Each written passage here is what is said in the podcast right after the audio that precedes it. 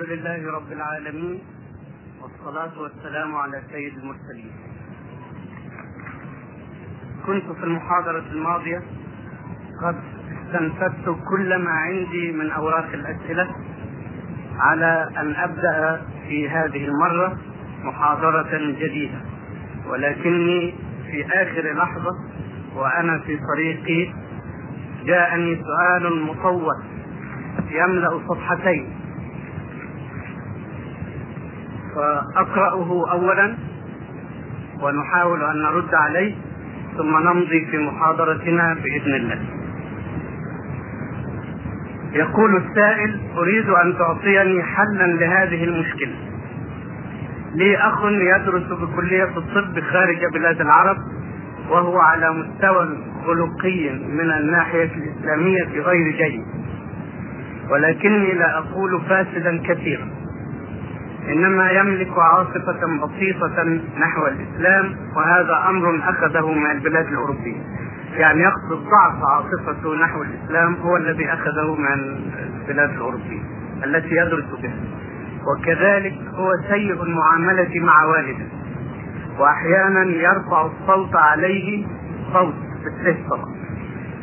بعصبية ومرة حاول ضربه وأنا قلت لأبي إن ذلك نتيجة لدلاله تدليله يعني في بداية عمره. ذلك أنهم كانوا يدللونه بشكل لا يطلب شيئا إلا ويأخذه. وعندما كبر تحول تحلق حوله أبناء عمه الفاسدون وحاولوا إفساده وفعلا استطاع. وقد أثر على بعض إخوته في طريق الفساد.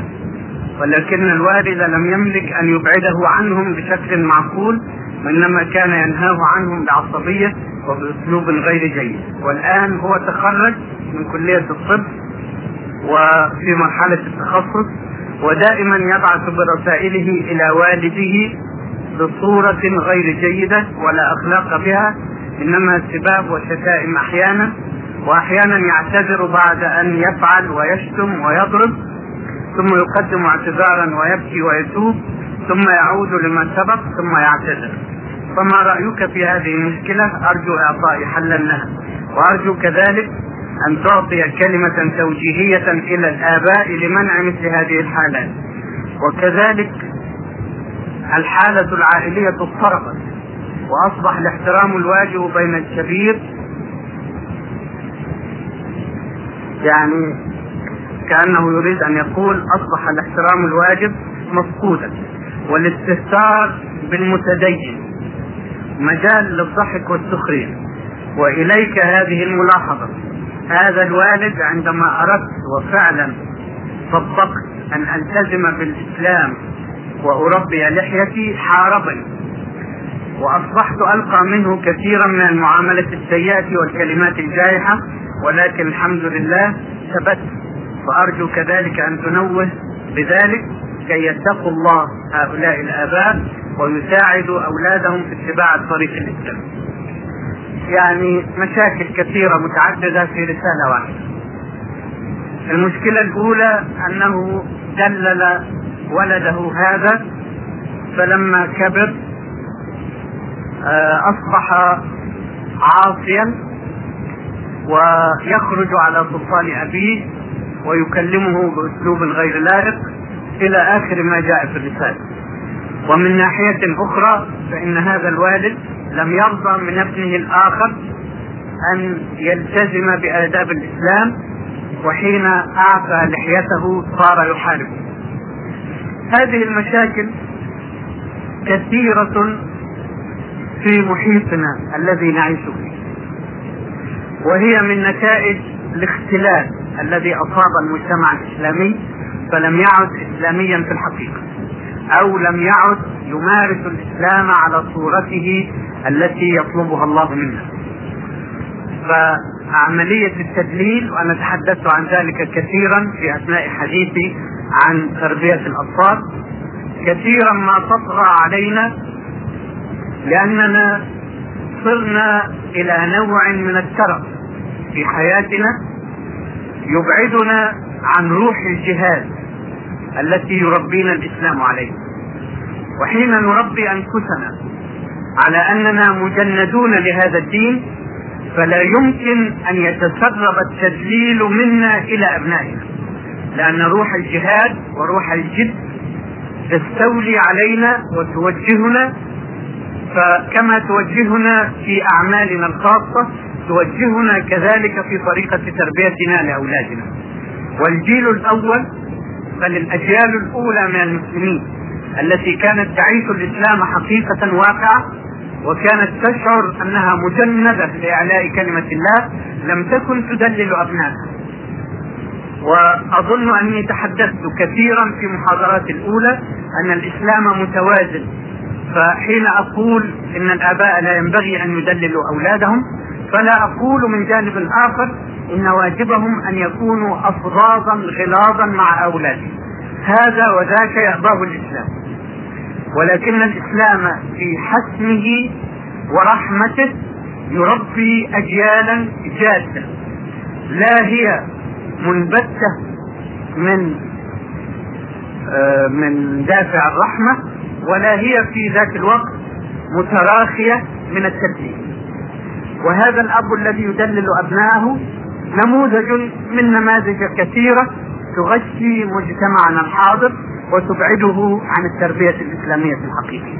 ثم إنه في ذات الوقت لا يقبل من ولده الأصغر أن يلتزم بما أمره الله به. إنما يريد أن يجاري العرف الموجود الآن وهو عرف أقرب إلى الانسلاخ من الإسلام منه إلى الالتزام به. أو يريد إسلاما هينا لينا لا يخالف العرف السائد والإسلام متميز ولا يستطيع أن يكون امعا لا يستطيع أن يكون مجاريا لأي شيء في المجتمع لمجرد المجاراة أو لحب السلامة أو للبعد عن النقد. أو البعد عن المجابهة أو منعا للسباحة ضد التيار المسلم الجاد يتبع اسلامه سواء كان المجتمع يسير في تيار الإسلام أم يسير في تيار مخالف للإسلام. وحقيقة كما قلت أكثر من مرة إن السباحة ضد التيار متعبة ومجهدة ولكنها واجب حين تكون لله. فالأمر اولا وأخيرا هو لماذا نعيش؟ لأي شيء نعيش؟ إذا عدنا إلى منهجنا المنهج الرباني فإننا نجد جواب هذا السؤال وما خلقت الجن والإنس إلا ليعبدون. لا ليلتذوا وينعموا بالحياة الدنيا وإن كان الإسلام لا يحرم المتاع ولا يحرم الالتزاز بذلك المتاع. كل من حرم زينة الله التي أخرج لعباده والطيبات من الرزق كل هي للذين آمنوا في الحياة الدنيا خالصة يوم القيامة.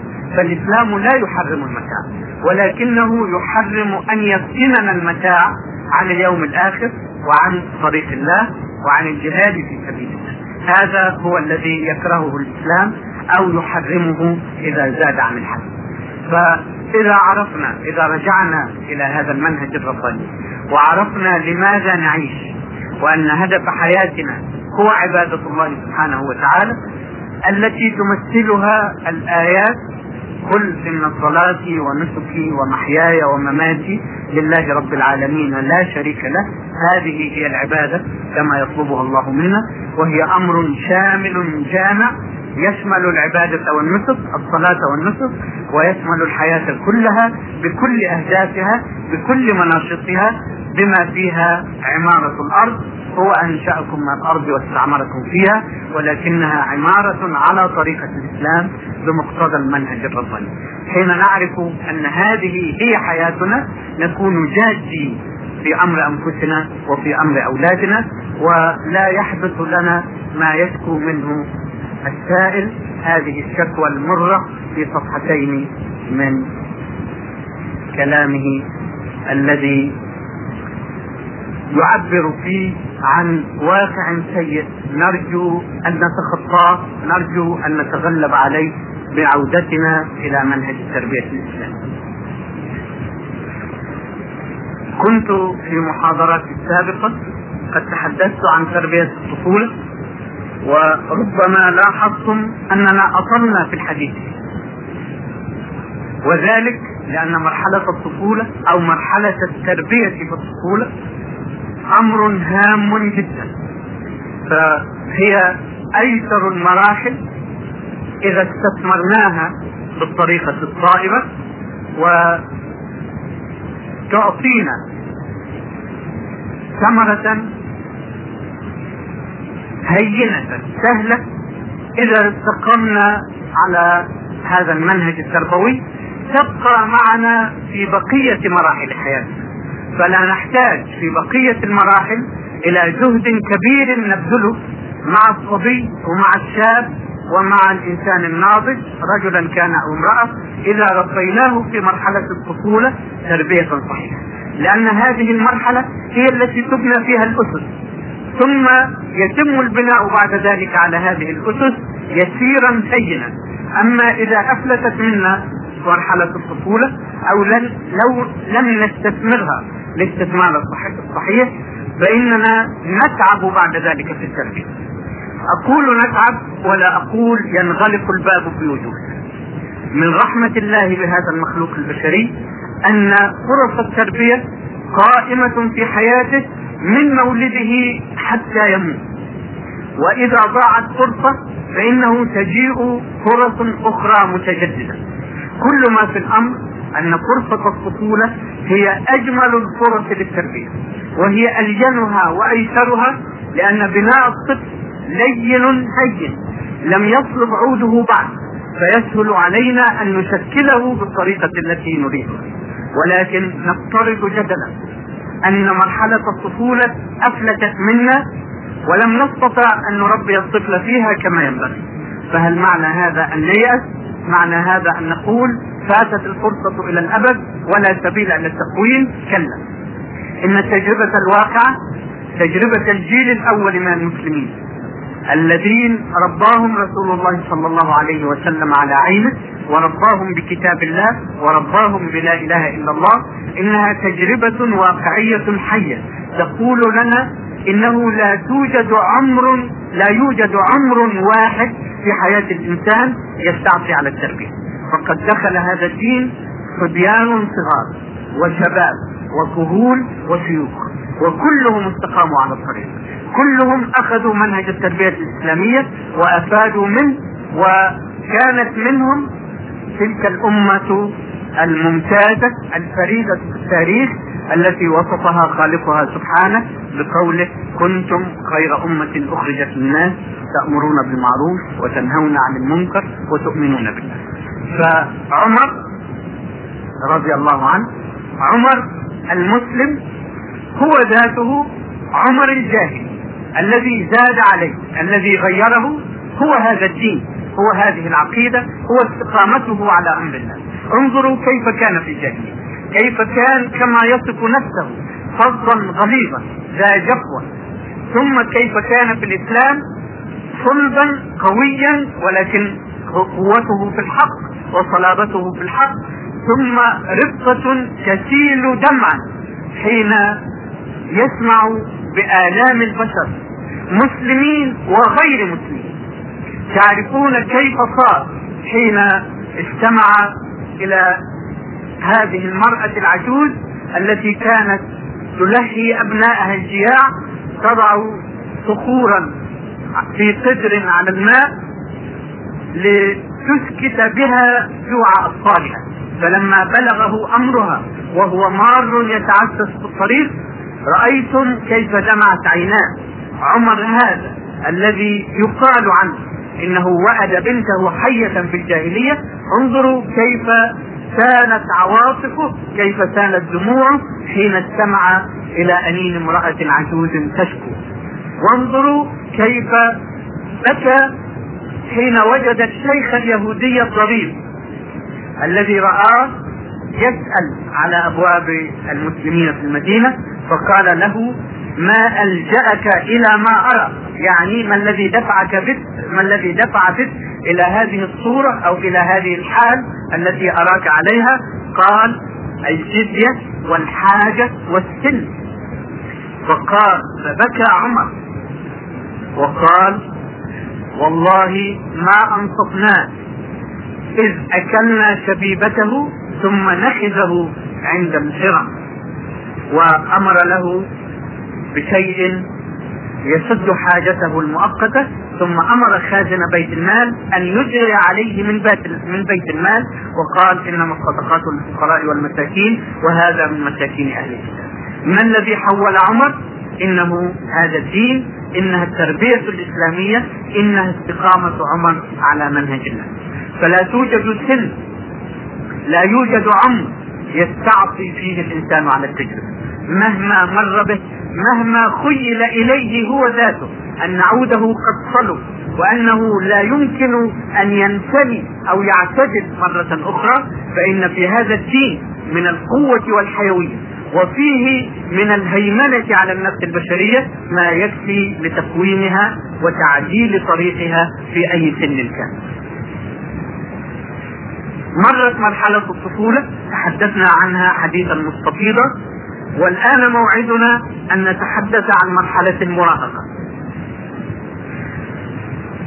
وحين كنت طالبا في معهد التربية ولقد كنت في يوم من الأيام طالبا في معهد تربية جاهلي لأنه يدرس مناهج التربية الجاهلي ويدرس فرويد ولا بأس عندي من أن ندرس فرويد وأن نتعرف عليه. لكن لا بنظرة التبجيل والاحترام ولا بالتسليم بكل ما يقول من ترهات بل إني أقول إنه يجب علينا في معاهد التربية التي تخرج المدرسين أن ندرس لهم فرويد وغيره وأن ندرس لهم مناهج التربية الغربية. لكن نضعها في ميزانها الحق. والميزان الحق هو الإسلام. هو هذا الدين. هو منهج التربية الإسلامية. الذي ينبغي أن نقيس إليه كل شيء ونقيس إليه كل قول ونقيس إليه كل منهج من مناهج التربية. كنت في هذا المعهد في القاهرة ويدرس لنا أساتذة من الذين رباهم الاستعمار على عينه حتى إذا خرج المستعمرون البيض استمر السمر كما قال صديق لنا في القاهرة يوم خرج الإنجليز من مصر قال خرج الإنجليز الحمر وبقي الإنجليز السمر هؤلاء هم الإنجليز السمر الذين رباهم الإنجليز الحمر حتى يستمر توجيههم. بعد أن تخرج جنودهم فيربوا اجيالا وراء أجيال لا تعرف الإسلام ولا تتجه إليه إنما تكون أعناقها ملوية نحو الغرب ونحو ما يسمونه الحضارة الغربية. وكانوا يدرسون لنا في هذا المعهد مشاكل المراهقة. ثم بعد ذلك مشاكل الشباب. وخيل إلي وبطبيعة الحال لم تكن لي يومئذ خبرتي التي اكتسبتها فيما بعد ولا كان الطريق الإسلامي متبينا لي بكل وضوحه بكل نصاعته كما هو متبين اليوم لي بحمد الله. كنت في بداية الطريق. كنت أستنكر ما يقولون ولكن لم يكن لدي البديل. كنت أعرف أو كنت أحس بمشاعر الإسلامية أن هذا الذي يقولونه لنا لا يمكن أن يكون سليما. لكن ما البديل؟ ما الوجه المقابل ما الحق في هذه القضية؟ لم يكن قد تبين لي بعد. كنا يخيل إلينا من تلك الدراسة أن كل مرحلة من مراحل الحياة يمر بها الإنسان هي مرحلة مشاكل. وكنت أعجب وإن لم يكن لدي الدليل أو البيان كيف خلق الله الحياة بهذه المشاكل. يعني الطفولة مرحلة خلقها الله المراهقة مرحلة خلقها الله الشباب مرحلة خلقها الله. كيف يكون خلق الله معقدا ومشكلا على هذه الصورة التي يدرسونها لنا؟ كيف تكون لكل فترة مشاكل لا أول لها ولا آخر ويكون هم المربين كله أن يحاولوا حل هذه المشاكل. كان في نفسي شيء من هذا التوجيه الذي يوجهوننا إليه وخاصة مرحلة المراهقة ومرحلة الشباب حين تدرس لنا على ضوء نظريات فرويد الذي يقول إن الحياة كلها من أولها إلى آخرها مشكلة جنسية. فالطفل يولد وهو جنس خاص من أوله إلى آخره. يرضع هكذا يقول فرويد يرضع بلذة جنسية. ويتبول ويتبرز بلذة جنسية. ويحرك أعضاءه بلذة جنسية ويسعد نحو أمه بعشق جنسي. هذا هو الطفل الرضيع. ثم يكبر ويكبر معه الجنس حتى إذا جاءت مرحلة المراهقة انفجر الجنس فصار مشكلة ويقول فرويد إن هذه المشكلة لا حل لها. يعني سبحانه وتعالى خلق مشكلة بغير حل. لماذا؟ لماذا يعذب الله عباده؟ قل ما يفعل الله بعذابكم. القرآن يقول لنا هذا وفرويد يقول إن الله خلق هؤلاء العباد هو طبعا ما بيقولش الله. خلقهم ليعذبهم. ومن بين وسائل التعذيب مشكلة الجن. والحل الوحيد لهذه المشكلة التي تبدأ في تفجرها العنيف في مرحلة المراهقة. هي طبعا بدأت من قبل بدأت من لحظة الميلاد ومرت بمشاكل. ومن ضمن هذه المشاكل عقدة أوديل الناشئة من عشق الولد الذكر لأمه عشقا جنسيا. وكبت هذا العشق العشق لوجود الأب حائلا بينه وبين الأم. صدقوا أو لا تصدقوا هكذا يقول.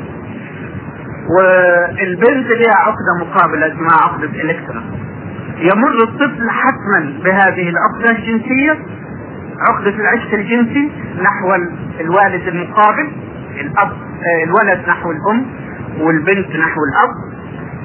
ثم يكبت هذه العقدة فينشأ الضمير والأخلاق والدين من عقدة جنسية مكبوتة ثم تجيء مرحلة المراهقة فيتفجر الجنس من جديد. يعني هو كان كبت من مرحلة الطفولة لغاية مرحلة المراهقة. وبعدين يتفجر. ثم يجيء الدين والأخلاق والتقاليد التي يسميها فرويد كوابت فتكبت هذا الشعور المتفجر فتنشأ المشكلة من جديد. ويقول تظل هذه المشكلة مع الإنسان حتى يموت بل هي مشكلة البشرية من مبدأها إلى منتهى.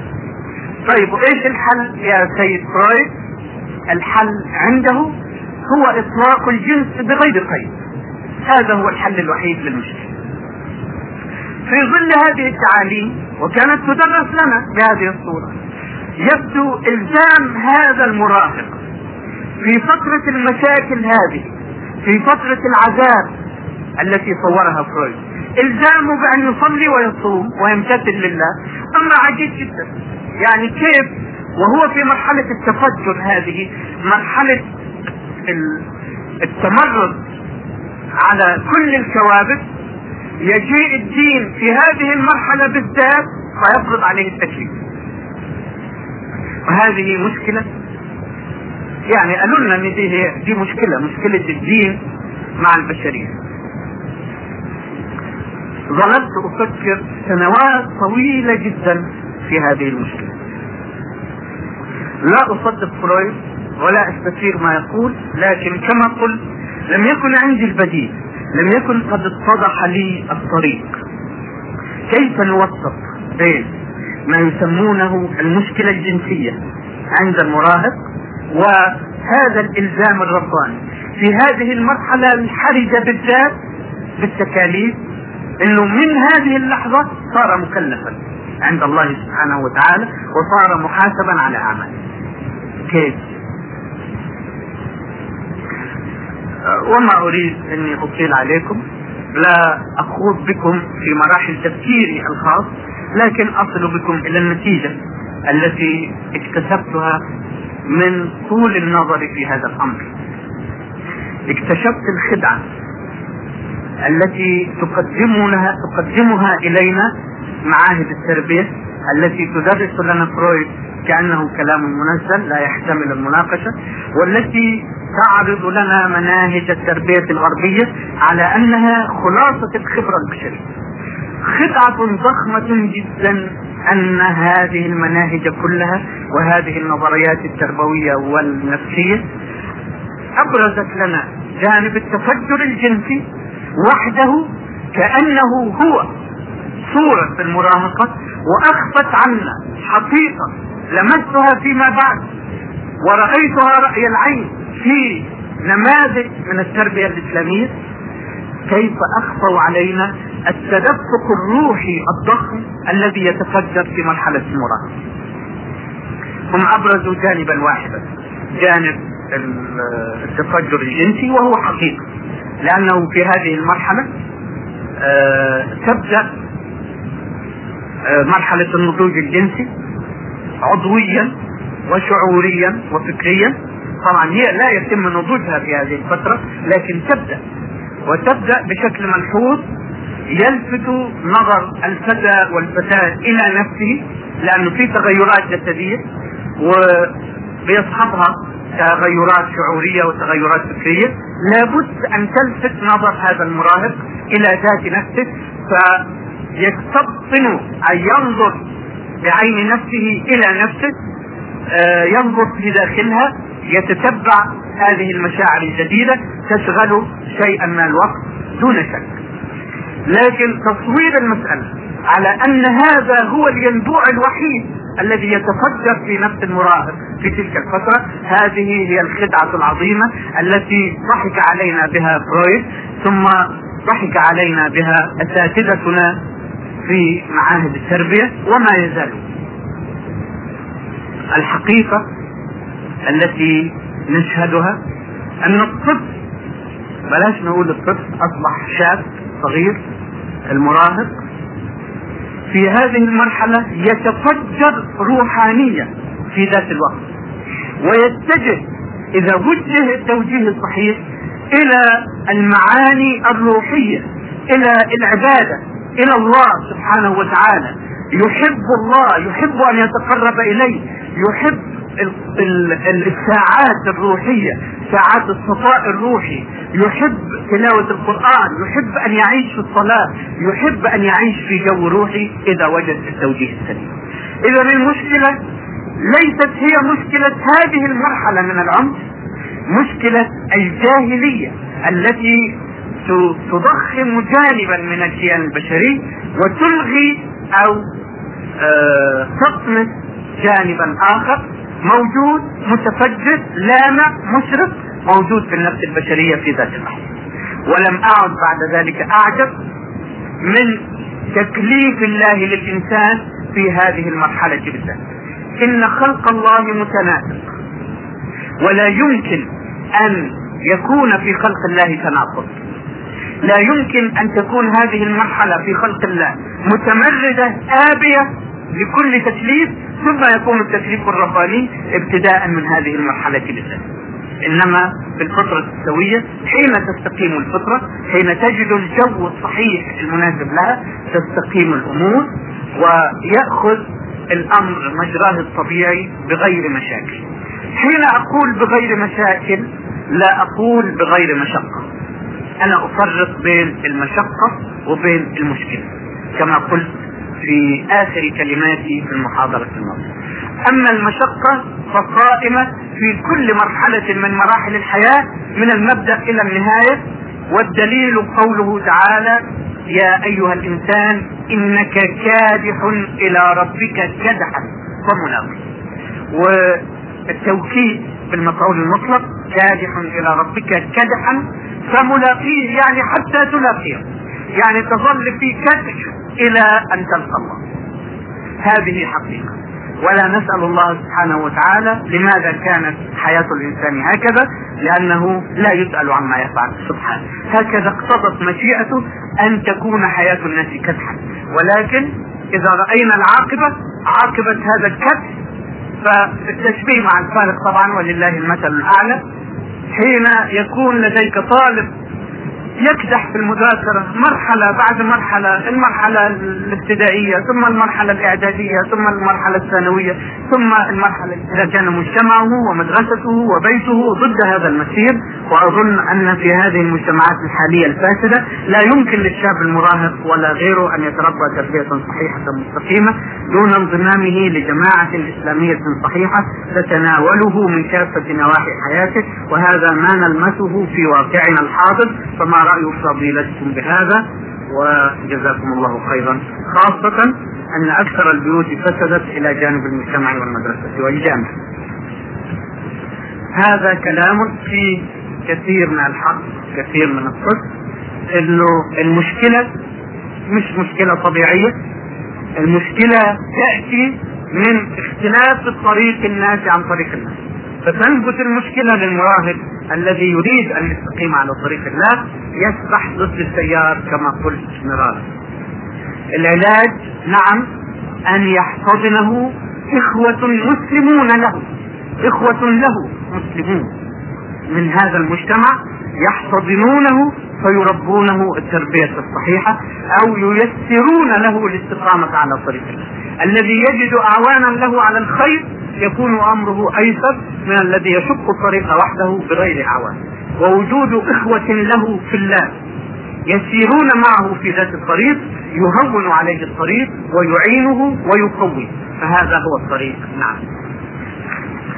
إن تربية الشباب أمانة في أعناق المربين إن كانوا آباء أم أساتذة.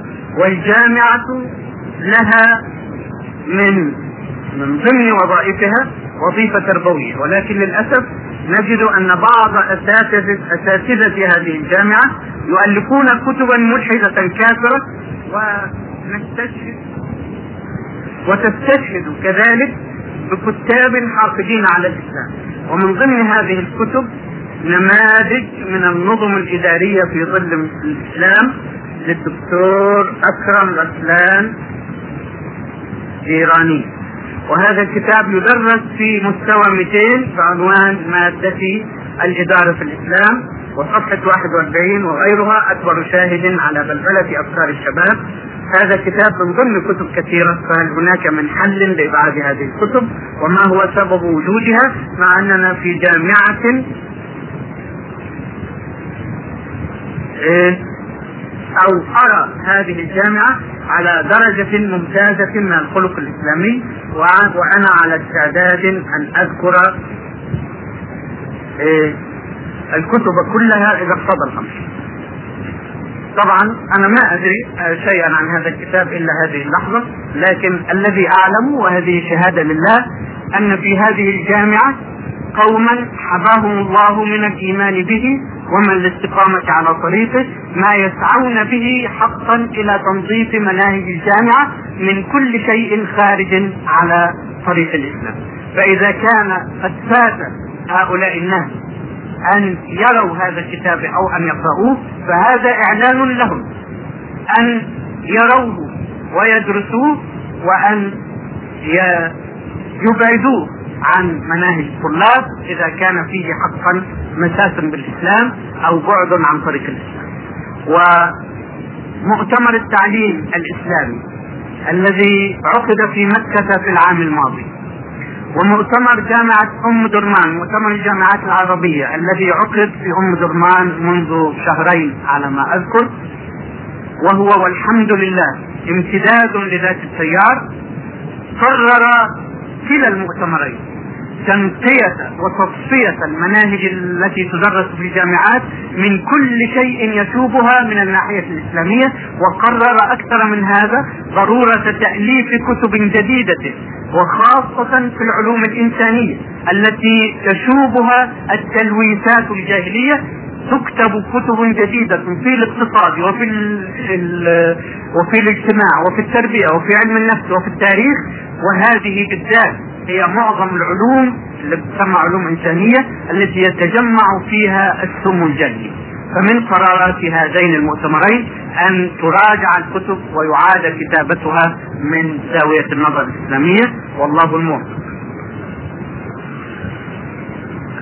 أحاول بعض الأوقات أن أقرأ بعض الكتب الإسلامية ولكني أحب دائما أن يكون لي خبرة نحو المؤلف والكتاب.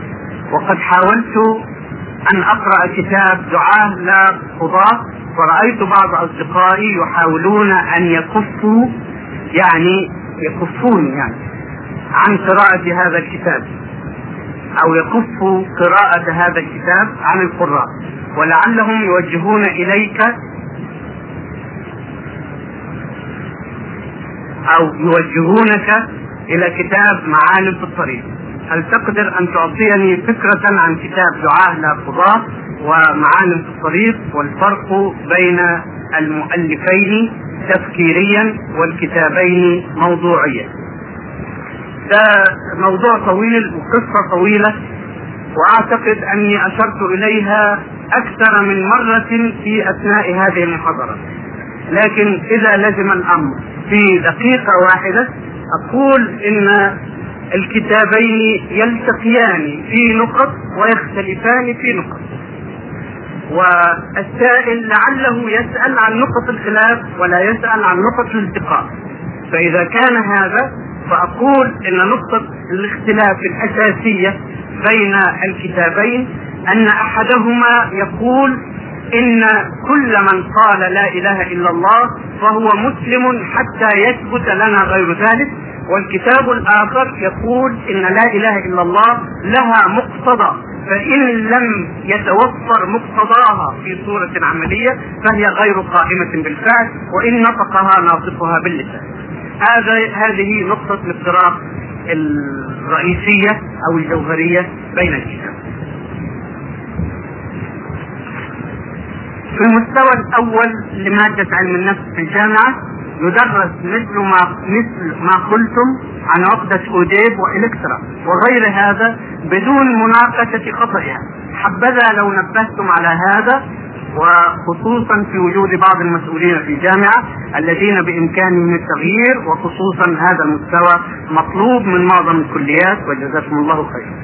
أنا لا أكف عن التنبيه عن مثل هذه الأشياء وعن ضرورة أن يدرس علم النفس وعلم التربية بالذات من زاوية النظر الإسلامية وأن تدرس هذه الآراء المنحرفة بوزنها الصحيح. لا أقول لا تدرس أقول تدرس لنعرف انحرافات الفكر الجاهلي المعاصر.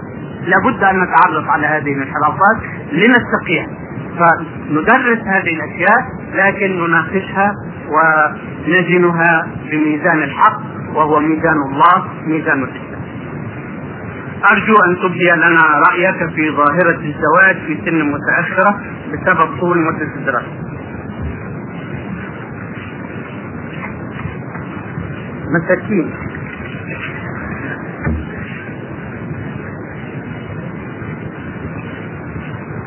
آه، أحيلكم إلى كاتب جاهلي اسمه ويل جيورن أمريكي. سمعت إنه يهودي مش متأكد هل هو يهودي أم مسيحي. هو مات على حال وكتب هذا الكتاب اللي هو مباهج الفلسفة.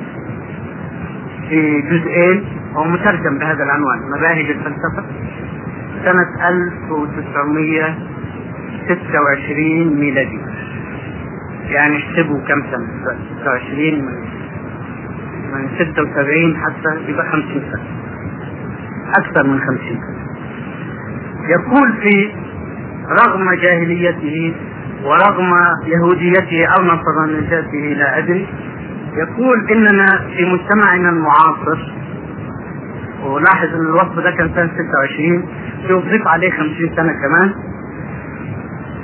آه وضعنا كل العراقيل أمام الشباب في طريق الزواج. ويسرنا له في ذات الوقت كل السبل المؤدية إلى الفاحشة. وشهد شاهد من يقول يا ابني ما إحنا خلصنا خلاص يقول إنه من بين هذه العراقيل التي وضعناها في طريق الشباب تمنعه عن الزواج الباسل طول مدة الدراسة اولا. ثم تعطيله اقتصاديا عن أن يكون له دخل حتى يتخرج من بعد هذه الدراسة الطويلة. فإذا تخرج لم يجد راتبه كافيا لتأسيس أسرة فيؤجل الزواج مرة أخرى.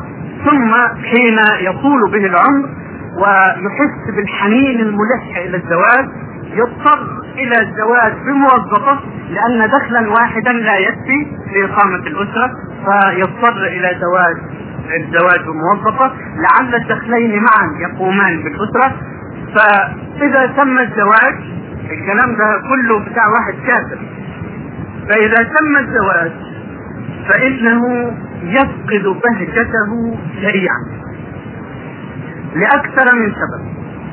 أحد الأسباب هو أن الزوجة موظفة والزوج موظف ويقضيان معظم وقتهما في الخارج فيكون البيت بالنسبة إليهما أشبه بالفندق الذي يقضيان فيه فترة الليل ثم ينطلق كل منهما في الصباح إلى الاتجاه وسبب آخر هو حياة الحياة الجماعية اللي هو يعني صار في اللي هو بتاع الحفلات بتاع الحياة المختلطة يعني التي يعيشها الغرب والتي يتعود عليها الشاب والشابة. فإذا تزوج وجد نظام الوحدانية نظاما غريبا عليهما باردا حين تقتل شعلة الحب الحب الجنسي هو يعني بصراحة بيقول عليه الحب الجنسي التي كانت هي أساس الزواج. فحين تقتل هذه الشعلة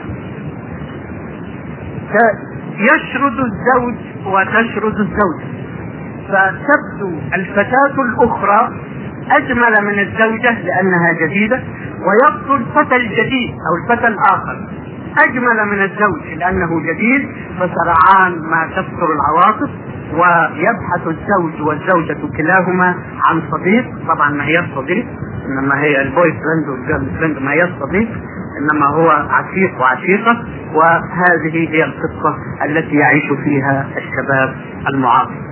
كتب الكلام ده سنة 26 بطوله 50 سنة في ذات الاتجاه مع الأسف آه، العدوى الجاهلية تغزونا في داخل حياتنا ونسير في نفس الطريق. الحياة في الإسلام ليست هكذا. لا يمنع الإسلام الشباب أن يتثقف وأن يتلقى من العلوم ما يشاء إن شاء الله لغاية سن سبعين سنة. اطلبوا العلم من المهد إلى الأحد لكن الإسلام لا يرتب الزواج يعني اقتصاديا روحيا عباديا من جميع الاتجاهات لا يوقف ضعف راتبه مقابل أن تبقى زوجته في البيت لتنشئة الأطفال. من الكاتب في النهاية؟ الكاتب هو هذا المجتمع. لأنه مقابل أنها تعطيه ضعف راتبه ليصون هذه الزوجة ولتتفرغ لمهمة تربية الأجيال.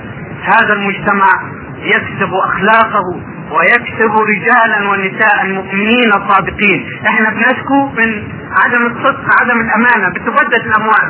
بيجي موظف يرتشي. لأنه ما ترباش. يضيع أموال الدولة لو تربى هذا الموظف حين كان طفلا رفضته أمه متفرغة لا يرتشي يوفر أموال الدولة التي تبعثر في الرشاوي وفي الفساد. الدولة هي الكاتبة في النهاية والمجتمع هو الكاتب لو أننا اتجهنا إلى العلاج. لكن يعني ما باليد. والسلام عليكم ورحمة الله وبركاته. ما يفعل الله بعذابه المشكلة اللي أشرت إليها الآن هي مشكلة إنه المراهق ولد أو بنت لا يرتضون من أهلهم ولا من المحيطين بهم أن ينظروا إليهم على أنهم أطفال.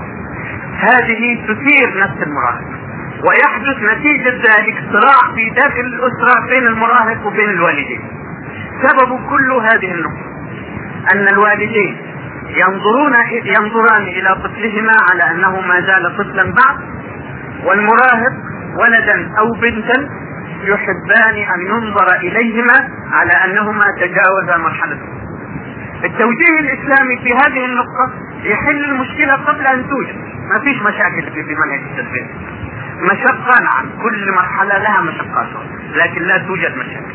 التوجيه الإسلامي في هذه المرحلة علموا أولادكم الفروسية. مين الفارس؟ الفارس ما يبقاش طفل الفارس يبقى إنسان كبير. تعويضه على الفروسية توجيهه إلى الجهاد هو استجابة لنزعة الفطرة في موعدها الطبيعي الذي خلقه الله عشان تتجاوز المشكلة عشان ما يبقاش الولد يريد أن يكون رجلا يريد أن ينظر إليه على أنه رجل التربية الإسلامية تعطيه حاجته في تلك المرحلة الحاسمة وتقول علموا أولادكم السباحة علموا أولادكم الفروسية. يشعر أنه هو إنسان كبير يشعر أنه مكلف يمر بهذه الأزمة بدون أزمة البنت يوجهها أيضا إلى أن تكون ربة بيت. هي عايزة إيه؟ هي عايزة تحس أنها صارت أنثى. وتكره أن ينظر لها أبوها وأمها وأمها بصفة خاصة على أنها طفلة. الأم طبعا بتنظر إليها على أنها طفلة لأنها كانت طفلة بالأمس القريب. لكن البنت نضجت الآن أو بدأت تدخل مرحلة النضوج وتكره أن ينظر إليها على أنها طفلة. وجسمها نفسه بالتفجرات العضوية البيولوجية اللي بيحدث فيها ما صارت طفلة. يعني آه بدأت تصبح أنثى. لا طفلة وهي ترغب في أن ينظر إليها على أنها أنثى التربية الإسلامية تستجيب لهذه النزعة لأنها نزعة فطرية لأنها من خلق الله وتوجه هذه الأنثى الصغيرة إلى شؤون البيت إلى رعاية آه إخوتها الصغار. فهذا يغذي ويلبي إحساسها بأنها صارت أنثى. لما ندخل في مناهج التربية الجاهلية بيحصل إيه للولد وبيحصل إيه للبنت؟ حين لا يستجاب لرغبتهما الفطرية في أن ينظر إليهما على أنهما تجاوزا مرحلة الطفولة ويوجه على أنهما صارا شابا وشابا. مناهج التربية الجاهلية بتعمل إيه في الأولاد في الفترة دي؟ الولد بيشرب سجاير ليه؟ عايز يبقى كبير عملية الدخان يعني التدخين فيها وهم آه قد تضحكون منه لكنه من الوجهة النفسية صحيح؟ دخان السيجارة لما بيكبر كده في الفضاء بيدي انتفاخ لهذا الولد بيحس إنه طويل طول سحابة الدخان دي اللي هو طلعها. يبقى كبر في نظر نفسه صار كبير. وبعدين يلجأ إلى سلوك جنسي معوج ليه؟ عايز يبقى راجل عايز يبقى كبير. لأنه التوجيه التربوي لم يعطيه التوجيه السليم الذي يشعره بالرجولة أو بالنضج على الخط السليم. فيذهب إليه على خط منحنى طب والبنت؟ البنت تقعد قدام المراية ساعتين تسرح شعرها. وبعدين تحط روج وتحط مانيكير عشان تبقى كبير. تبقى بنت قد كده اهو وبعدين تلاقيها بتعمل الأعمال دي كلها عشان تحس انها كبيرة. لماذا؟ لأن التوجيه السليم لم يوجه إليها. الذي يلبي إحساسها بالانوثه في جو نظيف التربية الإسلامية بالتوجيه الرباني المنزل من عند فاطر هذه الفطرة وخالقها والعليم بها ألا يعلم من خلق وهو اللطيف الخبير التوجيه الرباني يمرر هذه المرحلة بدون أزمات. المشقة موجودة نعم. كل مرحلة لها مشقاتها لكن الأزمة الأزمة التي تفتت النفس التي تنشئ الصراع والتمزق لا وجود لها في جو التربية. فحين نربي مراهقين ومراهقاتنا تربية إسلامية صحيحة نمر بهذه المرحلة في سلام وأمن. نبذل جهدا نعم لابد أن نبذل الجهد. نحن المربين نبذل جهدا وهم الذين يتلقون التربية. يبذلون جهدا في ذوات أنفسهم حتى يستقيموا على التكليف لكن بدون أزمات بدون مشاكل بدون تمزق بدون التمرد والعصيان الذي يحدث في الجاهلية ويوضع في كتب التربية الجاهلية التي تدرس لنا على إنها مشكلة وتسمى مشكلة الافتراق بين جيل الأباء وجيل الأبناء. ويحطوها دي كمشكلة ويدرسوها ويشغلوا الطلبة بيها نعمل إيه في المشكلة دي؟ طيب نعمل إيه؟ هم بيقولوا نعمل إيه؟ بيقولوا طبعا على طريقة فرويد على طريقة العيادات السيكولوجية يحل المشكلة إزاي؟ لازم الأب يشعر ابنه بإنه كبير. طيب إزاي؟ يعني ما يضغطش عليه يعني ما يلزموش بالطاعة. يعني يترك له حريته يعني على الطريقة الأمريكية والناس منكم اللي سافروا إلى أمريكا أو يشوفوا الأفلام الأمريكية يعرفون هذه الحقيقة إنه التربية الأمريكية للشاب عشان يشعر بذاته سلف أساسا ذات الذات إنه يجلس أمام والديه أو في حجرة الدراسة وقدمه بحذائه في وجه والديه أو في وجه الأستاذ الذي يدرس. وده منتهى منتهى إثبات الذات إن الولد يجلس هذه الجلسة وإن البنت تضع رجل على رجل أو تجلس كما يحلو لها عشان إثبات الذات عشان يحس إنه صار كبير. ويبقى التوجيه التربوي. تربوي في تربية. إن الأب يعني يسيبوا لهم الحرية عشان يعاونوهم في اجتياز مشاكل هذه المرحلة. أه أعتقد إنه هذه الاشارات كافية لنا في هذه المرحلة مرحلة المراهقة ونترك الدقائق الباقية من المحاضرة للأسئلة التي أراها تنذر بكمية كبيرة كالمعتاد. وبهذه المناسبة أيضا أقول آه انه موضوعنا هذا موضوع التربية أوشك إن شاء الله أن ينتهي. أنا نفسي والله تضجرت لكم. يعني بقالكم من السنة اللي فاتت بتسمعوا في موضوع واحد. بقي لنا موضوعان تربية الشباب الشباب مرحلة الشباب يعني أو مشاكل الشباب اللي بيقولوا عليها ومرحلة النضج ويبقى إن شاء الله ينتهي تنتهي دراستنا في التربية الإسلامية وإن كان لنا عمر بعد ذلك كنت قد اقترحت موضوعا مكملا لهذه السلسلة وهي وهو دروس من القرآن إن شاء الله.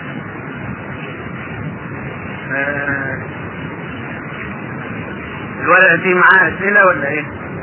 معاها؟ طيب. قطعة قصاصة من ورقة اهي فيها القطعة الطفلة من الملابس الداخلية وقد طبعت عليها عبارة لا إله إلا الله أعوذ بالله بشكل مربعات والصورة مأخوذة عن إعلان يحمل ماركت مارك أند سبنسر المربع الذي كتبت به عبارة لا إله إلا الله بالخط الصوفي وقد تعمل كلمة إله في الوسط بصورة مزدوجة لتقرأ أيضا كلمة الله. طيب أنا حابب السؤال دلوقتي لكن يعني أقول لكم أنه من العبث الذي صيرنا إليه هذا الهوان الذي نعيشه نحن المسلمين حين صرنا إلى ذلك الغثاء الذي حذر منه رسول الله صلى الله عليه وسلم. يوشك أن تداعى عليكم الأمم كما تداعى الأكلة إلى قطعتها قالوا أمن قلة نحن يومئذ يا رسول الله؟ قال لا إنكم كثير ولكنكم غثاء كغثاء السيل أو كما قال عليه الصلاة والسلام. أماكن القمار في لندن مكتوب عليها مكة. يعني نوادي القمار ولا المحلات اللي بيشتروا منها تذاكر القمار يكتبون عليها مكة وهذا من الهوان السؤال لقد اصبح للأسف الشديد ديننا ديننا الإسلامي يهان أمام أعيننا ونحن المسلمين ننظر إلى ذلك دون أن نحرك ساكنا ومن اوضح ما بلغ في الدين الإسلامي من مهانة من قبل أعداء الإسلام هو هذا الخبر الذي استطعته من جريدة المدينة فما هو موقف القادة المسلمين والعلماء الذين هم المسؤولون في الدرجة الأولى أمام الله عز وجل؟ فأي إهانة أكبر من هذه الإهانة التي هي أساس ديننا ويقوم عليها الدين الإسلامي؟ آه معرفش الصورة دي فين؟ بتقول يهودي تهجم يهودي وقع على الإسلام محلات ماركس أند سبنسر اليهودية في لندن تبيع ملابس داخلية طبعت عليها عبارة لا إله إلا الله. آه يعني التمادي في ذكر هذه الوقاحات مؤلم للنفس البشرية لكن يعني أقول لكم أنه ليست محلات ماركس أند سبنسر وحدها وليست لندن وحدها. البعث العربي في سوريا نشر شبيها بهذا صورة عالية في ملابس. نشر صورة عالية. وفي موضع هذا هذه الملابس كتب اسم الله الأقدس. هذه أوقع. يعني أعداء الإسلام الكفر ملة واحدة في كل مكان. علماء الإسلام يعني لا يملكون الآن إلا أن إذا كانوا جادين في أمرهم إلا أن ينشئوا جيلا جديدا يقوم على الإسلام. يعني المسألة مش مسألة المعركة القريبة مع مع فلان أو فلان أو فلان. نختر نحن هذه المعارك لأننا ندخلها بغير العدة الحقيقية بس معركة فلسطين معركة أريتريا معركة فلسطين معركة كذا وكذا. نخوضها ثم نخسرها لماذا؟ لأننا بعيدون عن الطريق الحقيقي الذي يضمن لنا النصر الذي ضمنه الله للمؤمنين. إن تنصروا الله ما قالش ربنا إن تنصروا الوطن. إن تنصروا الله ينصر. ويثبت أقدامكم حين يستقيم المسلمون على طريق الله يصبحون مستحقين للنصر الرباني. وينكمش حجم الأعداء. يخير الله. لأن الله أكبر. أكبر من الأعداء وأكبر من قوتهم وأكبر من قنابلهم الذرية والهيدروجينية والنيوترونية أكبر كما يقول المسلم لنفسه مرات متعددة وهو يصلي. الله أكبر.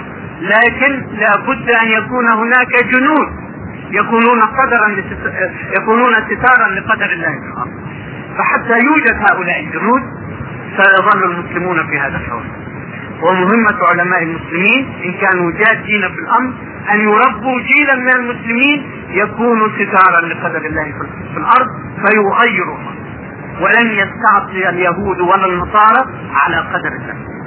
اليهود هم الذين قال الله فيهم وإذ تأذن ربك ليبعثن عليهم إلى يوم القيامة من يسومهم سوء العذاب.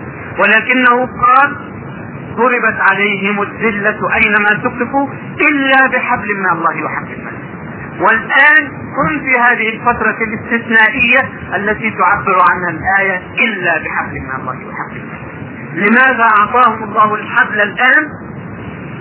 قل هو القادر على أن يبعث عليكم عذابا من فوقكم أو من تحت أرجلكم أو يلبسكم شيعا ويذيق بعضكم بأسا إن الله يذيق البشرية بأس شر خلقه. لأن البشرية كفرت وتفجحت في الكفر كما لم تكفر في التاريخ فهو يذيقها الآن بأس هذه الفئة التي هي شر خلقه لأنه شر بأس يذاق تذوقه البشرية حتى يعودوا إلى الله. فإن عادوا إلى الله يعود اليهود إلى موضعهم الطبيعي. وإذ تأذن ربك ليبعثن عليهم إلى يوم القيامة من يسومهم سوء